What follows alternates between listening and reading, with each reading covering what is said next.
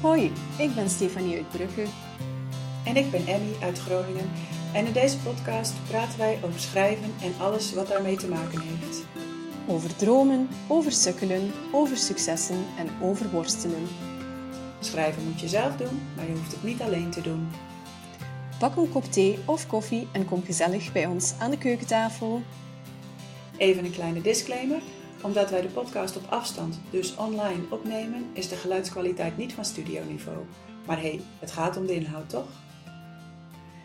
Hey, daar zijn we weer. Alweer een nieuwe aflevering van Schrijfpraat, de podcast. En vandaag willen wij het met jullie hebben over afwijzingen. Ehm, afwijzingen op het gebied van schrijven, uiteraard. Ehm, afwijzingen van uitgevers. En Stefanie, heb jij wel eens een afwijzing gehad? Jullie weten het antwoord daarop al. En dat is ja. Ik heb er al een paar gehad zelfs. Ehm, en ik heb erover nagedacht, omdat ik natuurlijk wist dat we vandaag deze opname gingen doen. Uh, en ik heb in het bijzonder gedacht aan de allereerste afwijzing, want die gaat je je hele leven lang bijblijven. Dat is een beetje zoals de eerste keer dat je een relatiebreuk meemaakt, dat je liefje uitmaakt. Um, ja, de eerste keer is pijnlijk, hè? En dan daarna vind ik dat dat wel meevalt, omdat je dingen wat meer kan relativeren en, en je de omstandigheden meer ziet. Maar mijn eerste afwijzing was van uh, uitgeverij Borgerhof en Lambrecht. Uh, dat was op dat moment echt mijn lievelingsuitgeverij. Het is nog steeds een van mijn lievelingsuitgeverijen hoor. Um, ik had het ingediend daar, omdat ik een podcast had gehoord, waarin redacteur Sam de Graven te gast was. En hij praatte daarin zo lief over al de manuscripten die hij ontving. En dat mensen daar echt hun levensverhaal in steken en zoveel moeite voor doen. En dat hij, dat, uh, dat hij daar altijd de tijd voor neemt om dat door te nemen en rustig te antwoorden. En ik vond dat zo liefdevol en zo respectvol dat ik dacht van, ach, als ik nu ergens uitgeef, graag bij zo'n uitgeverij. Um, ja, toen uh, ja, heb ik natuurlijk een foutje begaan. En dat is dat ik veel te enthousiast ben geweest. En uh, toen ik het laatste punt van mijn manuscript getypt had, heb ik het onmiddellijk doorgestuurd. Uh, de eerste rauwe, ruwe versie, heel onbeholpen. Dus nu, uh, ik denk dat het een jaartje geleden is eigenlijk dat ik die afwijzing ontvangen heb. Um, een jaar later kan ik dat allemaal wel relativeren en zie ik ook dat het te onbeholpen was en dat er nog veel te veel werk aan was. Um, maar ja, op het moment zelf deed dat ongelooflijk veel pijn natuurlijk. Um, het was wel een hele lieve mail die ik ontvangen heb van Sam. Uh, dat uh, thema's strekten naar aanbeveling, uh, maar um, dat, er, ja, dat er nog veel werk aan was. En dat was ook zo, het was de waarheid. omdat er ja, binnen hun um, uitgeverij daar momenteel echt geen tijd voor was in hun planning, wat ik allemaal snap. Um, maar, ik weet niet of ik jou dat verteld heb, Emmy, als ik, um, of toen ik mijn manuscript herschreven had, heb ik het wel opnieuw opgestuurd naar uh, de lieve Sam de Graven. Dus ik zou zeggen, Sam de Graven, Sam de Graven, Sam de Graven. Als je luistert. het is de moment. Zeg maar, Emmy, ik weet van jou eigenlijk niet. Um, ja, heb jij wel afwijzingen gehad? Want je hebt je manuscript nog niet echt opgestuurd. Dus eh, ben je er al mee bekend of nog helemaal niet? Nou, een, een beetje, zeg maar. Want ik heb inderdaad mijn manuscript zelf nog nooit uh, ongevraagd opgestuurd. Maar ik had het natuurlijk wel naar um, een uitgever gestuurd die mij gevraagd had uh, iets op te sturen. Mm -hmm. En toen kwam er wel een afwijzing. Of een mm. afwijzing met een komma eigenlijk. Niet een afwijzing met een punt. Een afwijzing met een komma en heel veel feedback. En de mogelijkheid om het na herschrijven nog een keertje op te sturen. En eigenlijk zit ik een beetje nou, vlak voor dat moment, zeg maar. Dus ik ben nog met het herschrijven bezig. Maar ik, ik ga het wel in het eerste kwartaal van het nieuwe jaar uh, zeker uh, nog een keertje insturen. En dan is het even uh, weer spannend. Maar ja, dat is eigenlijk mijn enige ervaring met, met afwijzingen tot dit moment.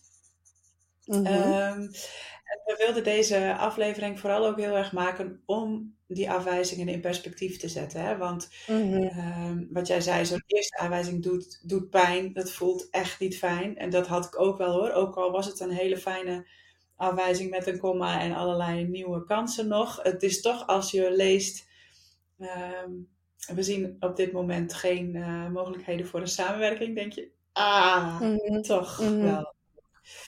Um, maar het is, ja, als ik het goed heb, wordt er één op de duizend uh, ongevraagd ingestuurde manuscripten echt uitgegeven per jaar.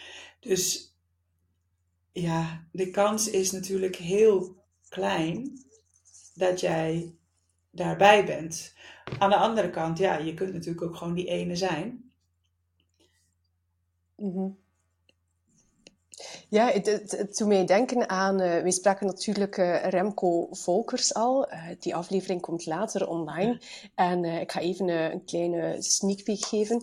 hij zei daarin dat een manuscript indienen, veel mensen weten dat niet, maar dat is eigenlijk een beetje zoals meedoen aan X-Factor. Uh, ik denk dat dat voornamelijk zangers zijn. En hij, hij, schetste voor ons het beeld waarin er duizenden mensen buiten staan aan hekkens te wachten en aan te schuiven om even op dat podium te mogen en deel te nemen. Maar van die duizenden deelnemers, ja, zullen er maar een, een, een twintigtal, tien misschien, geselecteerd worden om mee te doen aan het programma. En dan zal er één winnen. En dan is het nog maar de vraag, gaat die ene persoon die wint uit die duizenden mensen, gaat die ook effectief doorbreken? Um, en bij schrijven is dat eigenlijk juist hetzelfde. En dat beeld, ja, dat raakte mij wel. Want ik dacht, oh ja, dat klopt, zo is het eigenlijk inderdaad. Um, en hij zei ook, het is niet omdat je niet wint of niet op dat podium raakt, dat je niet kan zingen. Het is soms gewoon een combinatie van factoren. En je zei daarnet ook, Emmy, um, dat jouw uitgever zei Um, ja, op dit moment zien we geen mogelijkheden tot samenwerken, of, of dat dat vaak een, een, een, standaard e-mail is. Dat is zo. En het is ook zo jammer, dat zegt ook niets over jouw kwaliteiten. Eigenlijk weet jij daarmee totaal niet waar je moet bijschaven, waar het misloopt. Is het omdat ze al iets um, in hun fonds hebben dat erop lijkt en dat net verschenen is, of dat dezelfde thematieken behandelt? Ja. Eigenlijk is het niet standaard om, om een, een richtlijn te krijgen. Dus dat maakt dat je ook een beetje in het donker achterblijft. Um, ja, dus Dat, dat is wel, uh, ja, dat is misschien het enige dat ik wel jammer vind aan de manier waarop uh, uitgeverijen een antwoord bieden. Maar ik snap het ook. Ja, logisch, omdat ze natuurlijk geen tijd hebben om al die duizenden manuscripten uh, uitgebreid van feedback te voorzien. En in de, maar inderdaad, wat je mhm. zegt, het is, ja, je weet dan dus niet, is het gewoon echt niet goed genoeg? Of is het omdat, mm omdat zij al een soort gelijk boek hebben uitgegeven, inderdaad. En um, ja, wat ook wel heel belangrijk is, is als je iets naar een uitgever opstuurt, is dat je zorgt dat je uh, doet wat ze van je vragen. Hè, de meeste uitgevers hebben op hun mhm. website precies staan aan welke voorwaarden een, uh, een manuscript moet voldoen. Um, ja, dan is het wel heel belangrijk dat je dat ook doet. Want anders is er mm al meteen een grote kans dat je, nou, dan gaan ze het niet eens lezen. Uh, mm En zo zijn er een aantal dingen heel belangrijk zijn om te doen als je je manuscript naar een uitgever stuurt. En dat begint eigenlijk al bij de mail die je erbij doet. Ehm, die moet al uh, interessant genoeg zijn en goed genoeg zijn om de uitgever te verleiden tot het lezen van je synopsis. Nou, dan moet die zo goed zijn dat die uh, iets triggert of toch nieuwsgierig maakt. Of dat ze dan vervolgens nog een deel van je manuscript gaan lezen. Um, het moet er mhm. allemaal goed verzorgd uitzien. Uh, je moet natuurlijk, nou daar kun je ook over mee praten, Stephanie, de juiste uitgever benaderen voor je manuscript. Die ook ja. boeken zoals jij dat geschreven hebt uitgeeft. ja. Um, en ja, vaak helpt het ook als er een link is met de actualiteit. En het moet ook, en het, dat klinkt een beetje als een vies woord, maar het moet ook gewoon commercieel genoeg zijn. Hè? Een uitgever wil je boek verkopen. Ehm, en dan moet het ook verkoopbaar zijn. Mm Ja, ik, ik ben helemaal um, blijven steken op bij de juiste uitgever uitgeven, inderdaad.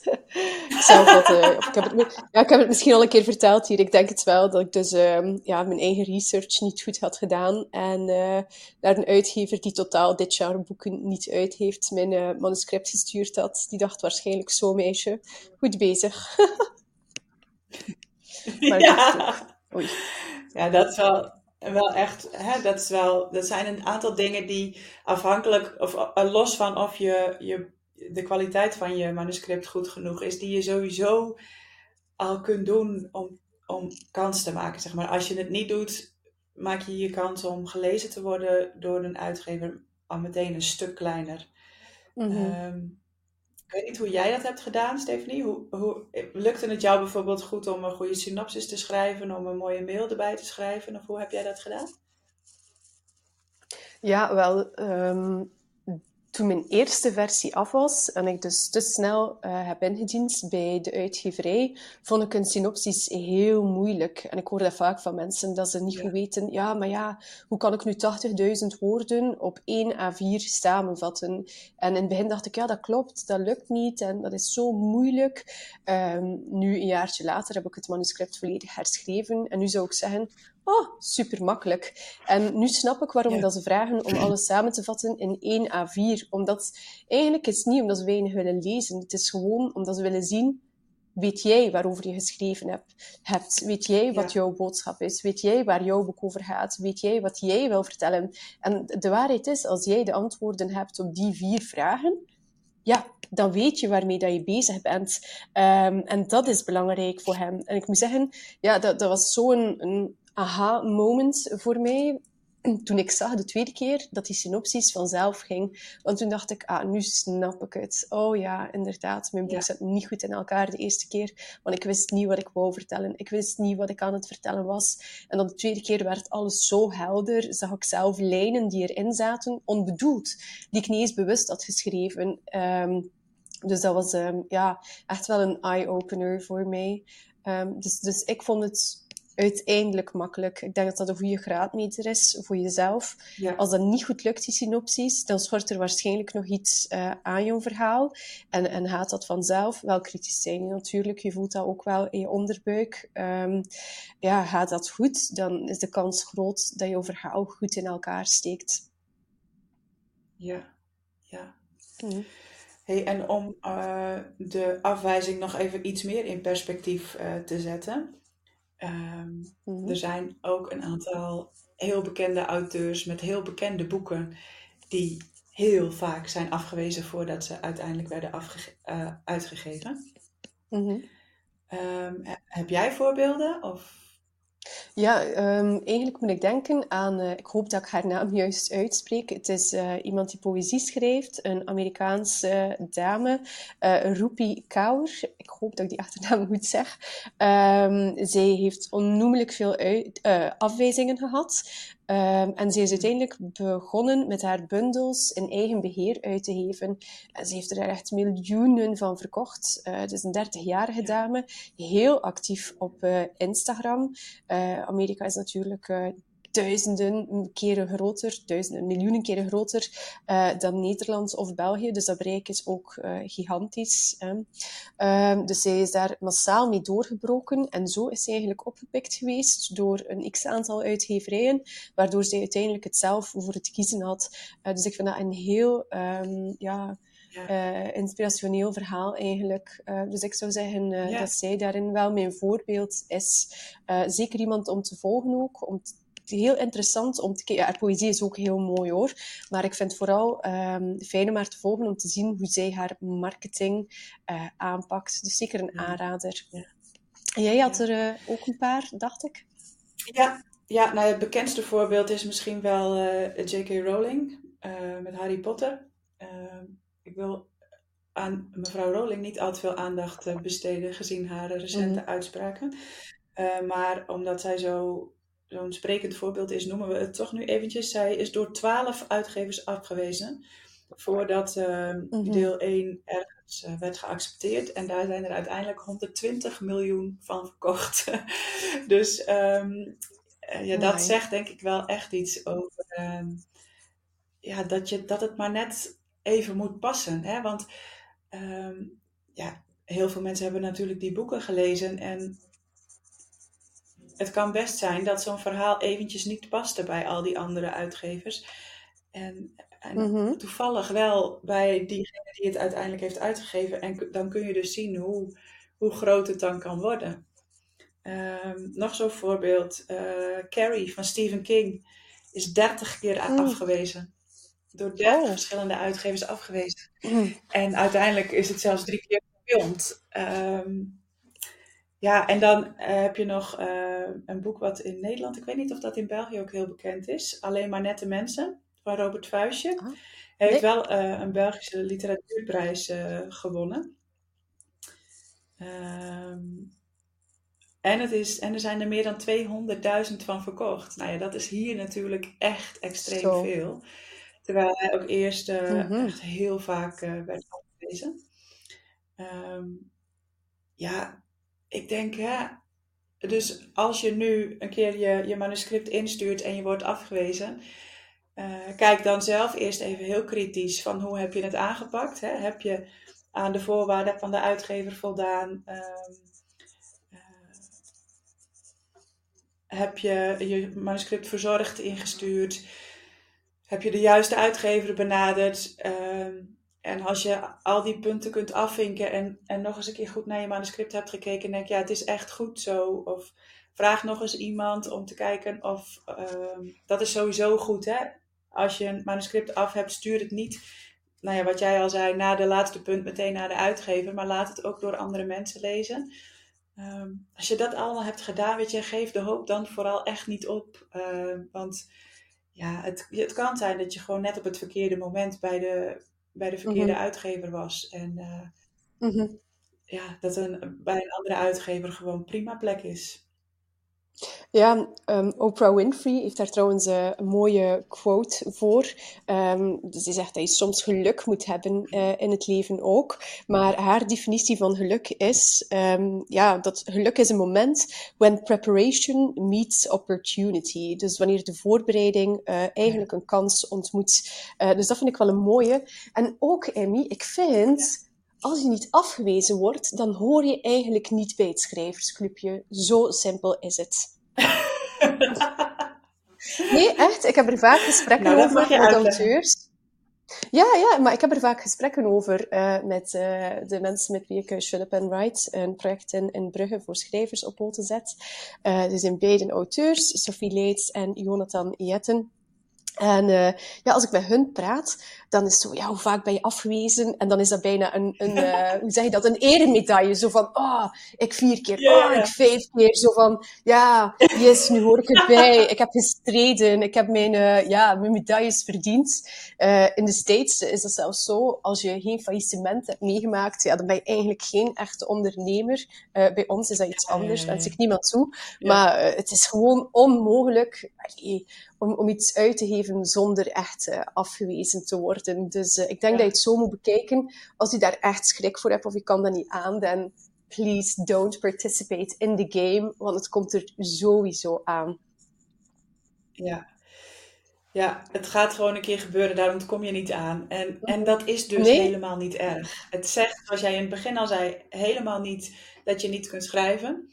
Uh, Dat kan natuurlijk wel dat het kwaliteit gewoon niet, niet voldoende is.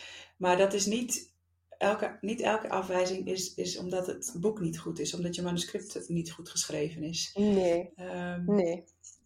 Dus, nou ja, mocht je in die fase zitten of al gezeten hebben, we willen jou met deze aflevering ook vooral een hart onder de riem steken van geef niet op.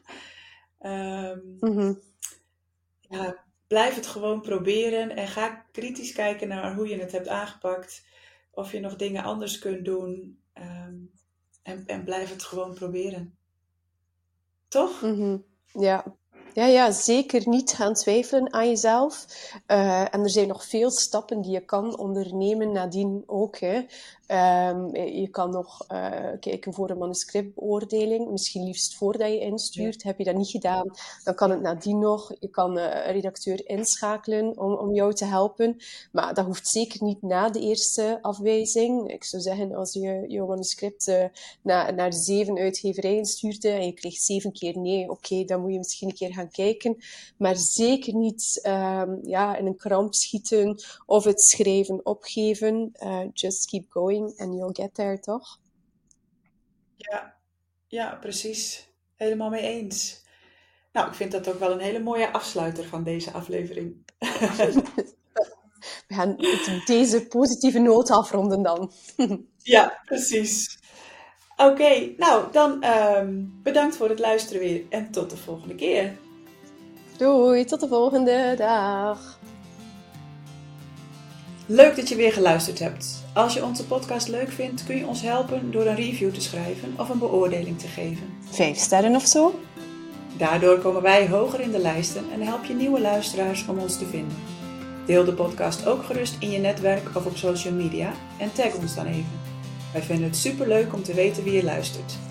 Heb je vragen of is er een onderwerp waar jij ons mening of ervaringen over wil horen? Of is er iemand die jij graag als gast in Schrijfpraat zou horen? Laat het ons dan weten. Dat kan via Instagram, at Stefanie Insta en at Emmy de Vries.